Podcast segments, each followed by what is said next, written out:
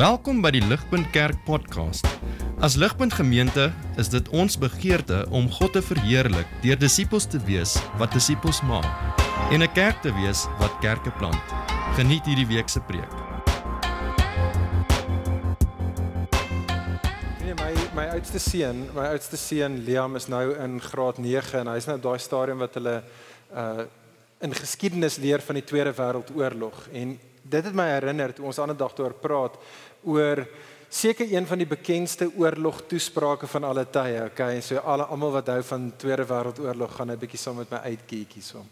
Maar in die Tweede Wêreldoorlog was daar hierdie baie bekende toespraak wat gemaak was deur ehm um, deur Winston Churchill en dit is hier op die skerm agter my ten minste die laaste paragraaf en ek gaan dit vir ons lees. En so hierdie is 1940 reg in die middel van die oorlog, die donkerste die donkerste seisoen of die donkerste tyd in dit uh van die Tweede Wêreldoorlog.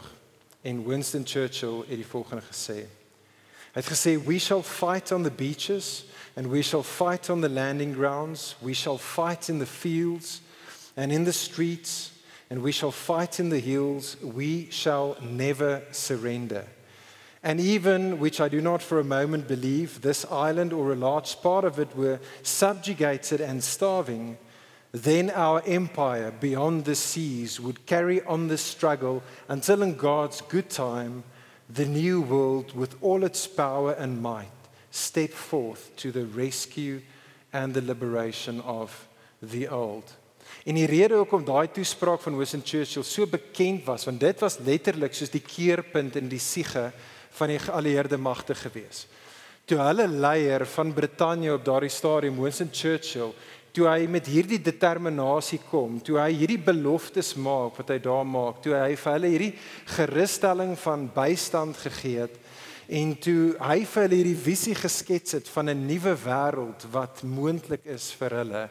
Wat dit gedoen het, het dit soos lewe geblaas in die geallieerde magte en en almal wat in die Duitsers gefight het op daai stadium. Dit het vir hulle perspektief gebring. Dit het hulle bemoedig, dit het hulle versterk, dit het hulle aangespoor en hulle het uiteindelik as oorwinnaars uit daai oorlog, uit daai stryd uitgetree. En vriende, ek begin nie meer vanaand en ons skop hierdie reeksie mee af want dit is 'n baie behulpsame prentjie vir jou en vir my soos wat ons probeer sin maak van die boek Openbaring en wat by die hart van die boek Openbaring aangaan. Ek weet nie of jy dit altyd besef nie, vriend, vriendin, maar die Bybel beskryf die Christen bestaan as oorlog. Ons is se mense, gelowiges mense wat onsself bevind in die middel van die spervuur die spervuur van hierdie konflik tussen twee koninkryke, die koninkryk van God wat ons van burgers reeds is, maar ons bevind onsself hier op aarde as burgers ook van hierdie wêreldse koninkryk wat in die Bybel bekend staan as die koninkryk van duisternis. En ons is in hierdie oorlog, jy en ek as gelowiges. En hierdie oorlog maak die Bybel duidelik is baie meer gevaarlik as al die oorloë, aardse oorloë in hierdie wêreld tesame. Dis baie groter, baie meer gevaarlik. Die vyand wat ek en jy teenoor te staan kom elke liewe dag, vriend, vriendin, is baie sterker en baie slimmer en baie meer subtiel en sy oorlogsvoering teen jou en my is is permanent. En ons baie op die spel, letterlik jou en my ewige welstand is op die spel van hierdie oorlog. En die realiteit is dat ons lewe in 'n wêreld en ek probeer nie hierso dit te oordramatiseer nie, waar daar daagliks in hierdie wêreld honderde, ek wil sê duisende gelowiges is wat sneuwel in hierdie stryd. Ouens wat begin en sê ek is 'n disipel van Jesus, Jesus is my koning en my verlosser en eers in die stryd raak dit te veel en hulle gooi handdoek in. En die vraag vir jou en vir my vanaand is wel wat het ons, wat het ek en jy nodig om te midde van hierdie stryd te hoor sodat ons perspektief kan kry, sodat ek en jy aangespoor kan wees, bemoedig kan wees en kan vasbyt en sterk staan tot ons éventueel oorwinnaars uit die stryd uittreë. Wat het ons nodig? Die antwoord is ek en jy het 'n boodskap nodig. Maar nie 'n boodskap van een of ander aardse leier wat na toe ons toe kom nie. Ek en jy het 'n boodskap nodig van die koning van alle konings af. Wat ek en jy nodig het is openbaring. Ons benodig die openbaring van Jesus. En en en ek verwys daarna vriende, kyk saam met my daar op die blaadjie of op jou Bybelteks gedeelte. Dit is letterlik die eerste 5 woorde wat hierdie boek die boek Openbaring aan jou en my bekendstel. Die eerste 5 woorde sê vir ons hierdie, hierdie boek wat ons nou nog gaan kyk, is die openbaring van Jesus en van hom as die Christus, van hom as die koning. Dit is wat die woord Christus beteken. Maar hier is jou en my uitdaging. Alhoewel die vroeë kerk het besluit om die boek Openbaring reg aan die einde van ons Bybels te sit, so in die Nuwe Testament kanon, het die vroeë kerk en hulle was 100% reg om dit te doen, het hulle gesê, hoor hierso, die boek Openbaring moet heel aan die einde kom, want dit is as dit ware soos God se famous last words aan jou aan en aan my. En hulle was regtoe gewees, maar die ironie of die tragedie is Alhoewel hierdie God se famous last words aan jou en my is, is hierdie seker die boek in die Bybel, verseker in die Nuwe Testament wat ek en jy die slegste ken. Hierdie is daai boek wat ek en jy met alles in ons, soos wat dit voor gebid was, eintlik vermy. En die, en dit is eintlik verstaanbaar dat ons dit vermy, nê? Nee. Ek wil dit is verstaanbaar dat ek en jy eintlik half net besluit om eerder die boek Openbaring te los. Dis is vol van obskure beelde en taal. Daar is 'n magdom 'n magdom van verskillende opinies amper oor elke vers.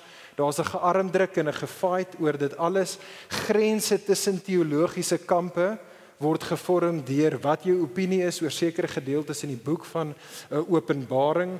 En dan is daar natuurlik 'n legio van 'n legio van dit was altyd erg nou met uh, met met internet is daar 'n legio van weirdos daar buite met die absurdste van interpretasies kom en wat heeltyd vir jou en vir my probeer vertel hoe een of ander iets strange and wonderful besig is om te gebeur as ons maar net hulle interpretasie van die boek van Openbaring sou gehad het. Die boek Openbaring is die gunsteling speelveld vir kults en vir sektes daar buite. En gevolglik, gegee dit alles, is dit net makliker vir jou en my om te sê, "Ah, kom ek los dit net. Kom ek ignoreer dit net. Kom ek vermy dit net." En vriend vriendin, dit is presies wat die duiwel die vyand wil hê. Dit is wat hy wil hê, want jy sien in die oorlog wil hy nie hê dat ek en jy moet die perspektief hê sodat ons kan vas staan, bemoedig kan wees en uiteindelik oorwinnaars in die stryd sal wees nie. En ons wil nie vir die duiwel hier by ligpunt sy sin gee nie. En so hier is Openbaring nou. En so kyk saam met my daar. Tel weer jou blaadjie of jou Bybel op. Ons gaan net kyk vanaand na die inleiding hoofstuk 1 vers 1 tot 8. En soos alle goeie inleidings is hierdie 'n goeie inleiding vir die boek Openbaring en wat die inleiding doen is hy tee vir jou en my die hele boek van Openbaring op. So wat dis wat enige goeie skrywer doen hè is hy wil hê dat ons moenie verlore raak in sy storie. Dit maak nie saak hoe moeilik die storie mag wees nie. Hy hy maak seker dat die in 'n inleiding gee vir ons daai riglyne sodat ek en jy kan weet wat aangaan. En dit is wat ons hierso het in die inleiding vers 1 tot 8 wat wat Johannes hierso doen is hy beantwoord as dit ware twee vrae. Daar's twee vrae wat die teks amper forceer genootsaak ek en jy moet antwoord vir onsself want dit is wat hy hier in sy inleiding aanraak. Die twee vrae gaan wees Een is wel watter tipe van boek is hierdie wat ons in ons hande het, hierdie boek Openbaring, watter tipe van boek is dit? En dan tweedens, waaroor handel die boek of waaroor gaan die boek Openbaring? En dit is wat Johannes se burden is reg in die begin, want hy wil hê ons moet duidelik wees soos wat ons deur hierdie moeilike boek ons voete probeer vind. OK, so ons gaan 'n klein bietjie meer tyd aan die eerste vraag spandeer maar die klimaks eintlik kom in die in in die tweede gedeelte. So eerste vraag dan watter tipe van boek is die boek Openbaring? Vriende, ek dink een van die groot redes hoekom ek en jy so stoei uh met en stoei met mekaar wanneer dit kom by die boek van Openbaring is omdat ons baie keer nie duidelik is oor watter tipe van literatuur is hierdie boek nie. Nou ek wil nie ek wil nie uitgeek op julle vanaand nie, ek, maar dit is nodig dink ek wanneer ons kom by die boek van Openbaring met so klein bietjie te doen. Dit is belangrik vriende, dit maak saak in hierdie lewe dat ek en jy weet die woordjies of wat ook al die bladsye is wat ek en jy na kyk, watter tipe van literatuur is dit? Jy sien as jy kom na die wetgewing van Suid-Afrika, dit is literatuur, dis woorde op 'n bladsy. Okay, as jy gesê hy ek like dit om die wetgewing van die land 'n klein bietjie metafories te interpreteer. Ek gaan dit nie letterlik vat nie. Well, good luck with that. Jy kan dit doen. Tronk is waarna toe jy gaan gaan. Maar jy kan dieselfde doen dalk met 'n gedig of jy kan dieselfde doen met 'n liedjie wat vol beeldspraak, vol metafoor is. En dan as jy dit nie lees vir wat dit is nie en jy probeer alles net letterlik te interpreteer, wel good luck with that. Wat jy gaan hê is jy gaan uitmis op soveel van die magic wat in die gedig of in die liedjie is. En so is dit met die boek van Openbaring. Vriend vriende, dit maak saak dat ek en jy verstaan wat is hierdie boek en ek en jy hoef dit nie uit ons duime uit te suig nie. Johannes sê dit vir ons in die teks. Hy maak dit vir ons duidelik dat in die boek Openbaring vers 1 vers 1 tot 8 maak dit vir ons duidelik dat die hele boek is eintlik 'n kombinasie van drie forme, drie tipes van literatuur. En ek wil dit onder ons aandag bring en dan net praat oor wat dit vir jou en vir my beteken. Die eerste is en dit sal op die skerm wees. Die boek Openbaring vriende is groot woord dit is apokaliptiese literatuur. Okay, daai is 'n groot woord, maar dit is letterlik die woordjie wat ons daai het in die begin. Dit is die woordjie revelation in die oorspronklike taal of die woordjie openbaring in die oorspronklike taal. Die woordjie uh, apokalipsis beteken letterlik um unveiling. So dink oor jy is in jou kamer en in jou kamer is daar gordyne en jy gaan en jy trek die gordyne oop van daardie realiteit waarin jy jouself bevind sodat jy 'n ander realiteit buite jou wêreld kan sien. En dit is wat die woordjie beteken. Dit is wat die boek is. Die boek is God wat as dit ware die gordyne van hierdie wêreld wegtrek sodat ek en jy die perspektief kan kry van die realiteit aan die ander kant, 'n hemelse perspektief. En soos wat ons daai hemelse perspektief kry met die gordyn wat weggetrek word, help dit jou en my om eintlik 'n beter aardse perspektief te kry. En dit is wat ek en jy nodig het om hier te begryp en te besef. Daar's baie daar's daar's 'n paar gedeeltes van boeke in die Ou Testament wat ook hierdie literatuurvorm is van uh, apokaliptiese literatuur, 'n bietjie in Daniël, 'n bietjie in Esegiel, daar's 'n bietjie in Sagaria. Daar is ook 'n klomp ander boeke buite die Bybel, Joodse boeke van die eerste eeu wat ook hierdie tipe van skryfstyl gehad het. Dit is belangrik want dit beteken ek en jy kan nie besluit hoe lees ek hierdie boek nie. Nee, dis ouens wat 2000 jaar terug in hierdie manier op hierdie hierdie reëls opgemaak het vir hoe hulle hierdie boek gelees het. En ons wil luister na hulle. Daar's twee kenmerke oor dit vir hierdie tipe van boeke soos die boek Openbaring. Die eerste kenmerk is dat dit fokus op die laaste dae. Maar die laaste dae in die Bybel en in die Nuwe Testament verwys na die tyd wanneer God se koninkryk ingebring word. So die laaste dae het begin toe Jesus op aarde die eerste keer al ingekom het.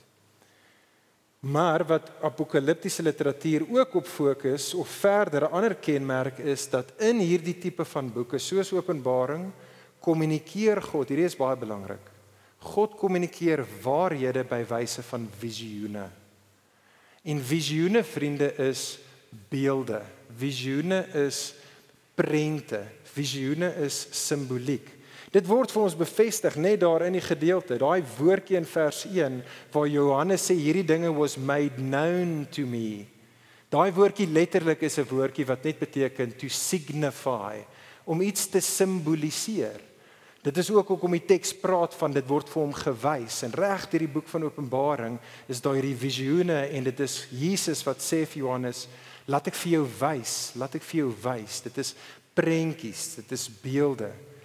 Dit is simboliek soos net voorbeelde die kerk gaan ons sien word gesimboliseer as 'n kandelaar. Nie dat die kerk 'n kandelaar is nie, dit kommunikeer vir jou iets oor wat die kerk is. Jesus gaan gesimboliseer word as die lam of as die leeu. Jesus is nie regtig egtig 'n lam of 'n leeu nie. Dit is prentjies wat iets kommunikeer van wie Jesus is. Die duiwel gaan gesimboliseer word as 'n draak. Die wêreld, magte van hierdie wêreld gaan gesimboliseer word as 'n prostituut. Al hierdie uh technicaler prentjies vir jou en vir my. Dink gesaam met my vinnig aan kinders, aan kleuters. Okay, ek weet baie van julle hier het nog nie klein kiddies nie, nê, maar julle sal hier onthou van julleself en julle het al almal klein kiddies gesien, nê, kleuters. Een van die dinge van kleuters is dat hulle is baie baie groot op verbeelding, op imagination. Vir 'n kleuter is die wêreld vol van betowering en avontuur. Waar enige iets moontlik is en daar is monsters en daar is gediertes dalk net onder jou bed verseker in jou linnekas En kleuters is oortuig dat daar is helde. Daar's 'n held, 'n ridder op 'n wit perd wat kom om die draak te kom verslaan. Maar dan as hulle hier by 5 of 6 raak, dan raak dit vir ons as groot mense so 'n bietjie annoying en dan begin ons ouers doen dit in die wêreld om te doen dit met jong kinders en met kleuters. Ons vereis van hulle om groot te word. Ons wil hulle wakker skrik uit die sprokiesverhaal wat hulle van die wêreld maak. Ons sê vir hulle hoor hierso julle moet meer realisties wees. Hoor hierdie is 'n fisiese wêreld, hierdie is 'n materiële wêreld. Hier moet jy jou eie fights fight. Niemand gaan vir jou opstaan nie. Jy het nodig om na jouself om te sien. En vriende, die boek van Openbaring is God wat vir jou en vir my sê nonsens. Ons is verkeerd. Die boek van Openbaring word geskryf aan jou en my in die taal van Jesus om jou en my te kry om weer soos kinders te glo. Hoor asseblief tog mooi, vriend vriendin, soos jy vanaand hier so sit. Meeste van ons hier. Ek wil so ver sê as jy 'n Afrikaner is, of jy Afrikaans is of 'n Suid-Afrikaner is. Ek dink dit is waar van almal van ons. Ek en jy, vriende, ons benodig nie meer inligting nie. Ons het meer as genoeg inligting. Ek en jy benodig meer verbeelding. Openbaring is nie 'n boek wat vir jou en vir my eintlik enige nuwe inligting gee nie. Alles wat God in ons wil openbaar, het hy voor die boek van Openbaring reeds vir ons gesê in die Ou Testament en in die res van die Nuwe Testament. Die dinge wat ons vind in Openbaring gee nie vir jou en vir my nuwe inligting wat hy nie klaar vir ons in Jesus openbaar het nie, maar wat dit doen is dit gee dit vir ons op 'n nuwe manier. Dit gee vir ons dit van 'n ander hoek af. Daai selfde storie kom op as dit ware deur ander sintuie, veral deur ons visie by wyse van visioene, by wyse van beeldspraak, van prente, kom dit na jou en na my toe. Wat die wat die boek van Openbaring wil doen, vriend, vriendin, dit is so sniffing salts. Ek weet nie of ek sien dit net in movies. Jy weet sniffing salts iemand is uitgeslaan en dan sit hulle iets so voor sy neus en dan haar ken hom. Dan skrik hy soos wakker. Dit is wat die boek van Openbaring is. Die boek van Openbaring wil jou en my wakker maak. Want ek en jy lewe in 'n wêreld waar al die magic uit hierdie wêreld uitgehaal word.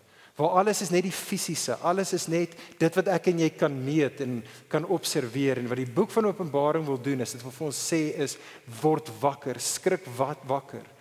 sien raak wat eintlik aan die gebeur is. Kom, sê God, kom ek vat die gordyne weg. Sodat jy werklik kan sien realiteit vir wat dit werklik is, nie vir wat hierdie wêreld vir jou sê en wat jy dink nie maar gee vir jou die hemelse perspektief en dan ewe skielik dan begin jy sien wat eintlik in hierdie wêreld om jou aan die gang is. Verder, hierdie boek is profetiese literatuur. sien jy daar in vers 3? Vers 3 sê Johannes dit vir ons, hy wil hê ons moet dit verstaan. Vers 3 sê hy blessed is the one who reads aloud the words of this prophecy Hy herhaal dit presies so in die laaste hoofstuk van die boek in hoofstuk 22 gaan hy dit 'n paar keer, ek dink 3 keer maak hy die punt aan die einde van die boek. Hierdie boek is profesie en dit is belangrik dat ek en jy verstaan dat hierdie boek is profeties. En hierdie is hoekom dit belangrik is. Hoor mooi. Vriende, profesie of prof, profetiese waarhede in die Bybel was altyd gebou op die storie van God se verhouding met Israel in die Ou Testament. Die Ou Testament profete het bloot net gegaan en God se mense met hulle gepraat en dinge aan hulle openbaar in die lig van God se storie met die volk Israel.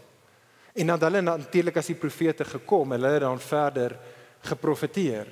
En hierdie boek Openbaring is deel van daardie tradisie. Hierdie is hoekom dit belangrik is vir jou en vir my. Vriende, wat dit vir jou en vir my sê, is dat ek en jy gaan nie die boek Openbaring verstaan as ons nie ons Ou Testamente ken nie. Ek wil so ver gaan om te sê jy sal glad nie of jy sal baie min. Kom ek vat glad nie is so absoluut. Jy sal baie min van die boek Openbaring kan reg interpreteer as jy nie vertroud is en iemand is wat jouself gee om die Ou Testament storie te te verstaan nie. Alles is gebou daarop. Elke beeld, elke visioen se betekenis word op een of ander manier eers gevind. En hierdie geskiedenis van God se verhouding met die volk Israel die Ou Testament en die prentjie taal van hulle verhouding met hom wat ons daar vind en ek en jy gaan dit sien soos wat ons selfs net deur die eerste 3 hoofstukke van Openbaring kom. Die tweede rede hoekom hierdie belangrik is vir jou om te te besef dat hierdie is profetiese literatuur is sodat ek en jy nie net wonderlike dinge sal leer in hierdie boek nie, maar dat ons sal reageer op dit wat ons hoor. Dit was die essensie van wat profete gedoen het. Profete het gekom met 'n openbaring van God, maar dan het hulle die die God se mense geroep om in geloof en bekering hulle lewens letterlik in te rig in die lig van God se openbaring van homself. Dit is presies wat Johannes daar sê. sien jy dit in vers 3? Vers 3 sê hy: Blessed are those who hear and who keep what is written in this book for the time is near. So terug by my gordyne illustrasie. As jy die gordyne by jou huis in die middel van die aand sou ooptrek en jy kyk buite jou venster en jy sien aan die buitekant daar in jou tuin is daar 'n dief wat in die nag aankom. En is dit in 'n mate wel great, ek het hom nou gesien, maar in 'n mate help dit jou niks dat jy nou daai openbaring gehad en wat aan die ander kant van jou realiteit is as jy nie iets daaraan gaan doen nie. Jy het nodig om te reageer daarop. Dit is wat die profete doen. Dit is wat die boek van Openbaring vir jou en vir my wil kry om te doen. Die boek wil vir ons kry om ons lewens in te rig in die lig van realiteit soos gedefinieer deur God. Vriende, wat help dit? Wat help dit jou en my as ons 'n klomp slim, clever teologiese opinies en teorieë kan hê oor hierdie boek en as ek en jy elke versie kan memoriseer uit ons kop maar dit verander nie jou en my lewens nie. Die wonderlike nuus hier, kyk aan vers 3. Hierdie boek beloof aan ons seëning. Hierdie boek beloof aan jou en my die goeie lewe, blessing. As ek en jy maar net 'n mense sal wees wat God op sy woord vat en sê Here, al is dit net vir 'n oomblik sien ek realiteit vir wat dit werklik is. Net vir 'n oomblik maak die sniffing salts my nigter. Ek gaan my lewe inrig in die klein en die groot. Ek gaan doen, Here, dit wat waar is, soos wat U dit sê. Blessing, seëning vir jou en vir my, die goeie lewe. Derdens, hierdie boek is 'n brief. Die boek is derdens 'n brief. Kyk ons saam met my in vers 4. Dit lees soos 'n brief. John, kyk saam in die teks John to the seven churches that are in Asia grace to you and peace. So dit begin soos enige brief met 'n hierdie is die ou wat dit skryf, hierdie is aan die persoon aan wie dit geskryf word. Hoofstuk 2 en hoofstuk 3 is letterlik die sewe briewe vir die sewe kerke en reg aan die einde hoofstuk 22 die heel laaste versie eindig soos wat briewe eindig. In hoofstuk 22 vers 21 sê Johannes, "The grace of the Lord Jesus be with us all. Amen." En vriende, hierdie is hoekom dit belangrik is dat ek en jy soos wat ons deur die boek Openbaring lees, heeltyd vir onsself sê, hoor hierdie is 'n brief. Hierdie is 'n brief. Dit maak saak. Dit maak baie saak. Dit maak baie saak vir jou verhouding met die Here. Die rede hoekom dit belangrik is, wat dit vir ons sê, is dat die boek as dit 'n brief is, beteken dit dat die boek Openbaring behoort pastoraal gelees te word. Hierdie is wat ek daarmee bedoel. 'n brief vriend vriendin is persoonlik. Dit is wat briewe is. Nog, ek praat nou weer oor my laity Liam. Ek het nou van die begin met hom gepraat weer 'n keer, maar hy was in die begin van die jaar met die hoërskool waar hy is, was hy vir 3 weke weg op 'n poskamp en dit was nogals hardcore geweest. En een van die dinge wat hulle op die poskamp doen, is ons geen kommunikasie tussen hom en die ouers nie. Wel ten minste, hy het nie 'n selfoon, mag nie 'n selfoon hê nie. Ons mag nie hom bel nie vir 3 weke nie. Hy's in die middel van die bos. Uh, al wat ons mag doen is ons mag twee keer vir hom briewe skryf. Hy mag twee keer vir ons briewe skryf. Dis al. En ek dink dit was 'n brilliant brilliant move van die skool gewees. Want julle sien briewe is meer as enige ander vorm van kommunikasie in hierdie wêreld so intiem. Meer as enige ander ding wat jy kan kommunikeer aan iemand is 'n brief. Tip: ou vir meisie skryf vir haar 'n brief. Vrou vir jou man, ons hou ook van briewe. Skryf vir jou kinders briewe, skryf vir jou ouers briewe. Daar's iets aan briewe. Briewe is persoonlik. Briewe is intiem. En hier's die amazing ding. Vriende, God gee vir ons 'n brief. Hierdie boek is 'n brief vir jou en vir my. Hoor mooi, Openbaring is nie 'n teologiese blokkies raaisel nie. Openbaring, die boek Openbaring is nie 'n geskiedkundige handboek nie. Die boek Openbaring is nie 'n eindtyd padkaart nie. Nee, dit is 'n liefdesbrief vanaf die lewende God aan jou en my persoonlik. Hy wil jou en my herinner op maniere dit vir ons kommunikeer wat ek en jy dalk nie altyd baie mooi hoor nie. Hy wil dit op visuele maniere, op 'n emosionele manier, 'n manier wat ons sintuie wakker maak. Wil God vir jou en vir my sê, hoor jy, ek is lief vir jou.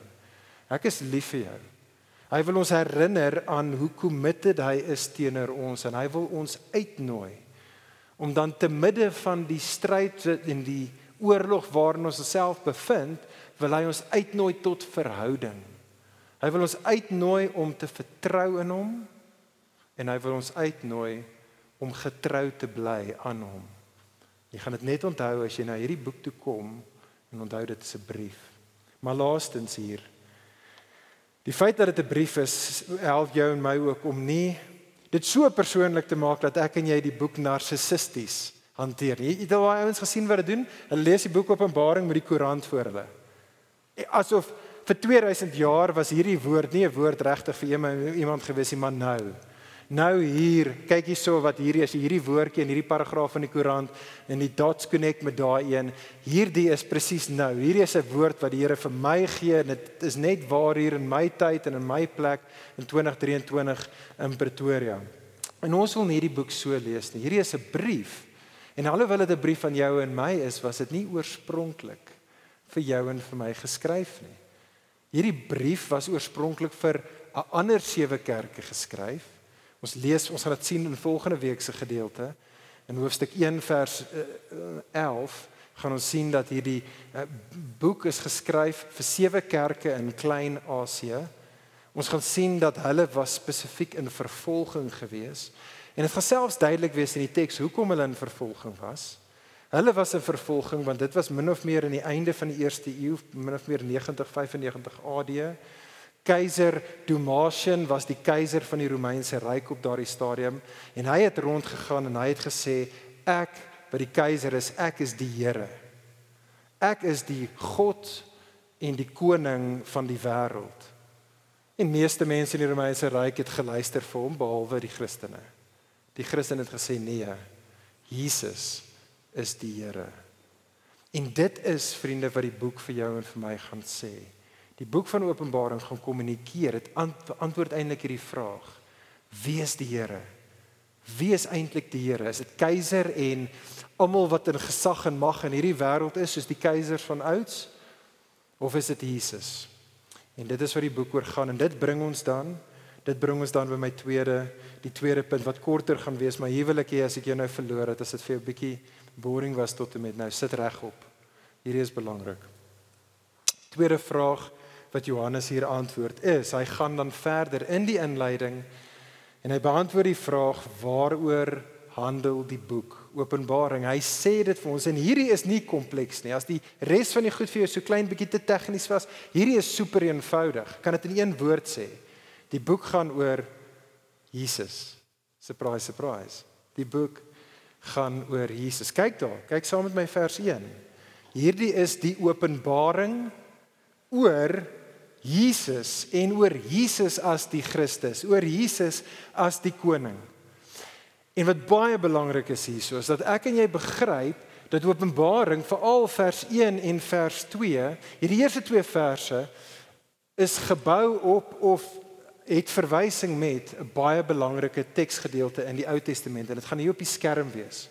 sien raak saam met my hierso Daniël hoofstuk 2.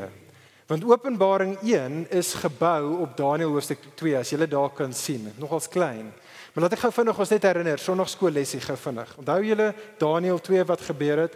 Koning Nebukadneser is op daardie stadium die koning van al die koninkryke as dit ware van die aarde. Hy is die main man en hy kry dan hierdie droom wat hom totaal en al uitfriek. Hy sien hierdie standbeeld wat gemaak is uit verskillende materiale en dan kom maar hierdie klein, dit lyk baie insignificant klippietjie en die hele standbeeld val en breek in krummels. Hy friek uit. Niemand kan vir hom vertel wat sy droom is nie. Daniël kan dit die, woord openbaar. Daniël kom dan en hy verduidelik aan hom wat aangaan. Jy kan daarso sien net daarso op die twee gedeeltes langs mekaar as jy na die color coding kyk. Dis letterlik dieselfde woorde, die idee van God wat openbaar en dinge bekend maak. Die wat, wat vertel dit wat sal wees, beelde wat gesien word. Ons gedeelte kom uit Daniël hoofstuk 2 uit. En die klimaks wat Daniël sê vir koning Nebukadneser, kyk sommer op die volgende slide is die woorde van Daniël 2 vers 44. Daniël sê vir hom hierdie is die shot tussen die oë van Nebukadneser and in the days of those kings the god of heaven will set up a kingdom that shall never be destroyed nor shall the kingdom be left to another people it shall break in pieces all these kingdoms and bring them to an end and it shall stand god's kingdom shall stand forever. Die punt is vriende van ons gedeelte in Openbaring hoofstuk 1. Die punt wat gemaak word is Jesus is die koning van Daniël 2 vers 44. Hy is God se koning wat in die laaste dae gekroon is. Jesus is daardie koning wat nooit van sy troon afgeskop sal word nie. Jesus is daardie koning wat elke ander koninkryk tot tot sy knieë sal bring.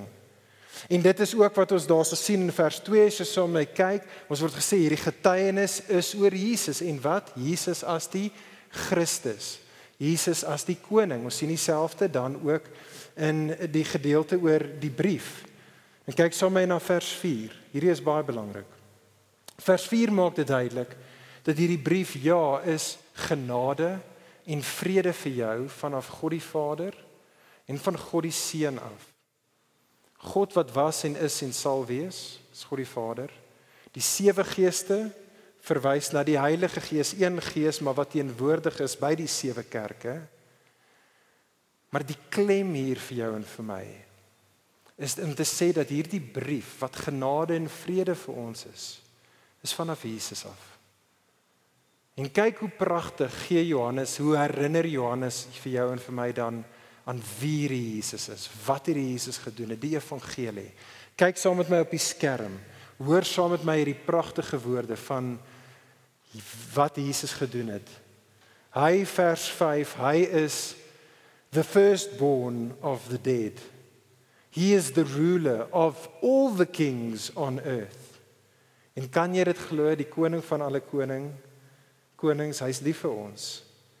He who loves us and who has freed us from our sins by his blood, and who has made us a kingdom, priests of his God and his Father. And verse 7 Behold, he, the king, is coming with the clouds, and every eye will see him, even those who pierced him, and all tribes of the earth will wail on his account. Weet nie of julle um enigsins uh, Game of Thrones gekyk het nie. Ek het nie. Okay, ek het nie Game of Thrones gekyk nie maar die titel kommunikeer genoeg.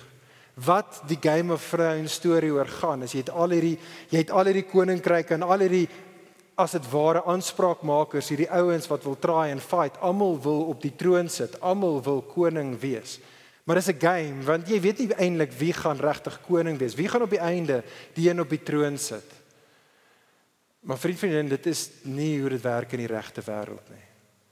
Dit is die hele punt van die boek Openbaring. Wanneer dit kom in die regte wêreld is daar nie 'n game of thrones nie. Dit is baie duidelik wie sit op die troon. En sy naam is Jesus. Hy is die koning. Kyk weer dan na vers 5 tot 7. Dis in die verlede, dit is in die hede, dit is in die toekoms. Hierdie werk van die koning. Die punt van die boek Openbaring is Jesus is 'n koning wat in die verlede reeds die oorwinning behaal het. Hy het dit gedoen deur sy lewe, deur sy dood aan die kruis, deur sy opstanding. Jesus is 'n koning wat hier in die Here nou reeds op die troon sit. Daar's niemand anders op die troon nie. Hy regeer. Hy call die shots. Jesus is 'n koning wat in die toekoms gaan terugkom. En wanneer hy gaan terugkom, man, dit is slegte nuus. As jy iemand is wat rebelleer teen die ware koning. Dit is die punt van die boek. Dit is die hele storie van die boek Openbaring. Dit is wat ons gaan sien in hoofstuk 2 en hoofstuk 3 aan die sewe kerke. Jesus gaan ons as die kerk herinner.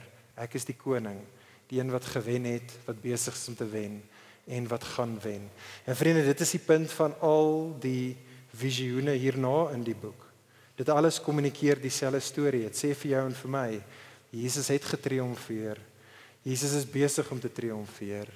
Jesus sal uiteindelik triomfeer en so kerk gelowige in die midde van die stryd bly vertrou op hom Wees getrou aan hom. So ek sluit af.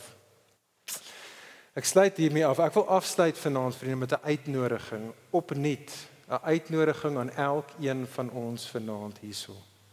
Kan ek jou asseblief uitnooi soos jy hier vanaand sit?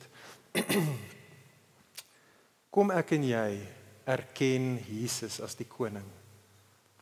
Kom ons doen dit met ons koppe. Meer as dit, kom ons doen dit met ons harte. Nog meer is dit.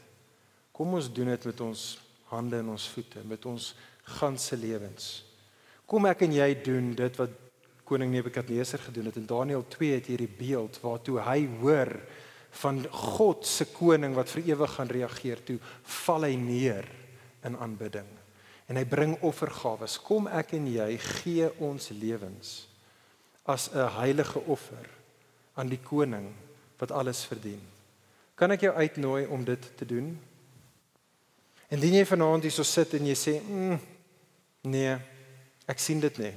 Jammer, maar ek sien dit nie. Ek sien net nie dat Jesus genuen die koning van alle konings en die koning van die wêreld en my koning behoort te wees nie. As dit jy is, kan ek jou asseblief waarsku. Dit mag dalk wees dat jy sê nou ek sien dit nie. Kan ek jou uitnooi kom terug vir die res van die reeks en gaan kom vir die res van die reeks ook in die oggenddiens. Want dit is die punt van die boek. Die boek is 'n openbaring. Die boek wil jou en my help om te kan sien vir ons wat sukkel om te sien. So ek wil jou uitnooi, kom, kom saam. Maar kan ek jou waarsku dat as jy gaan aanhou dom speel, sê die gedeelte vir ons. Dis wat vers 7 sê is daar gaan 'n dag kom wat almal vir koning Jesus in lewende lywe gaan sien. Daai dag is daar geen meer simboliek nodig nie.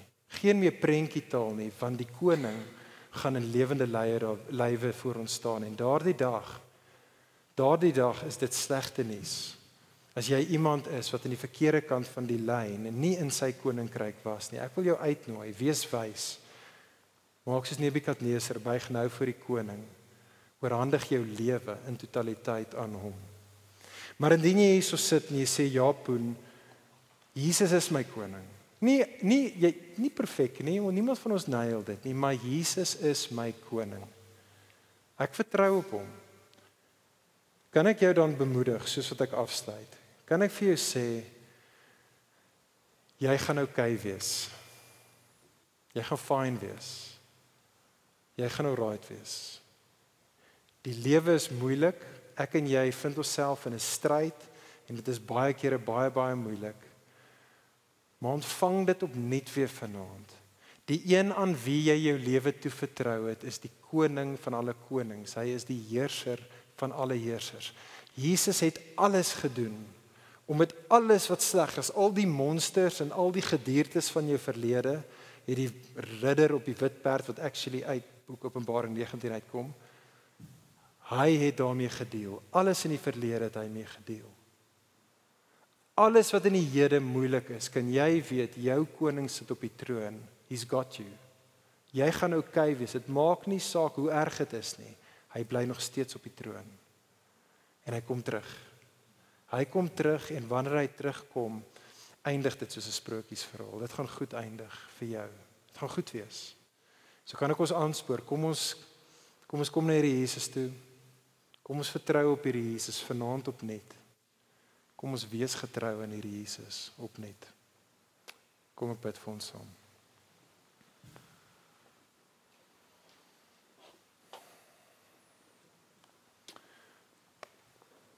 Ag Hemelse Vader, ek bid vir elkeen van ons hierso, vir ons wat dronk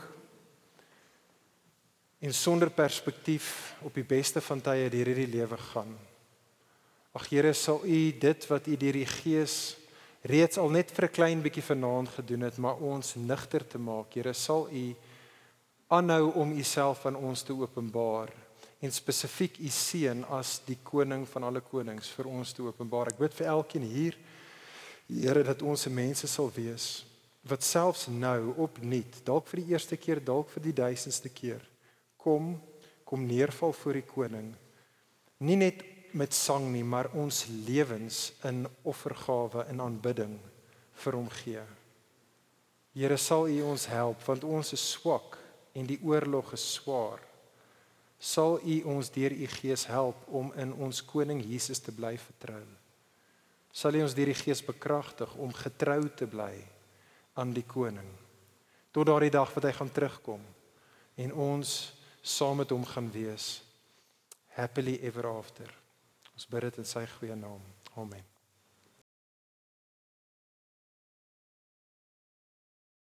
Vir meer inligting oor Ligpunt Kerk, besoek gerus ons webwerf op www.ligpunt.com of kontak ons gerus by info@ligpunt.com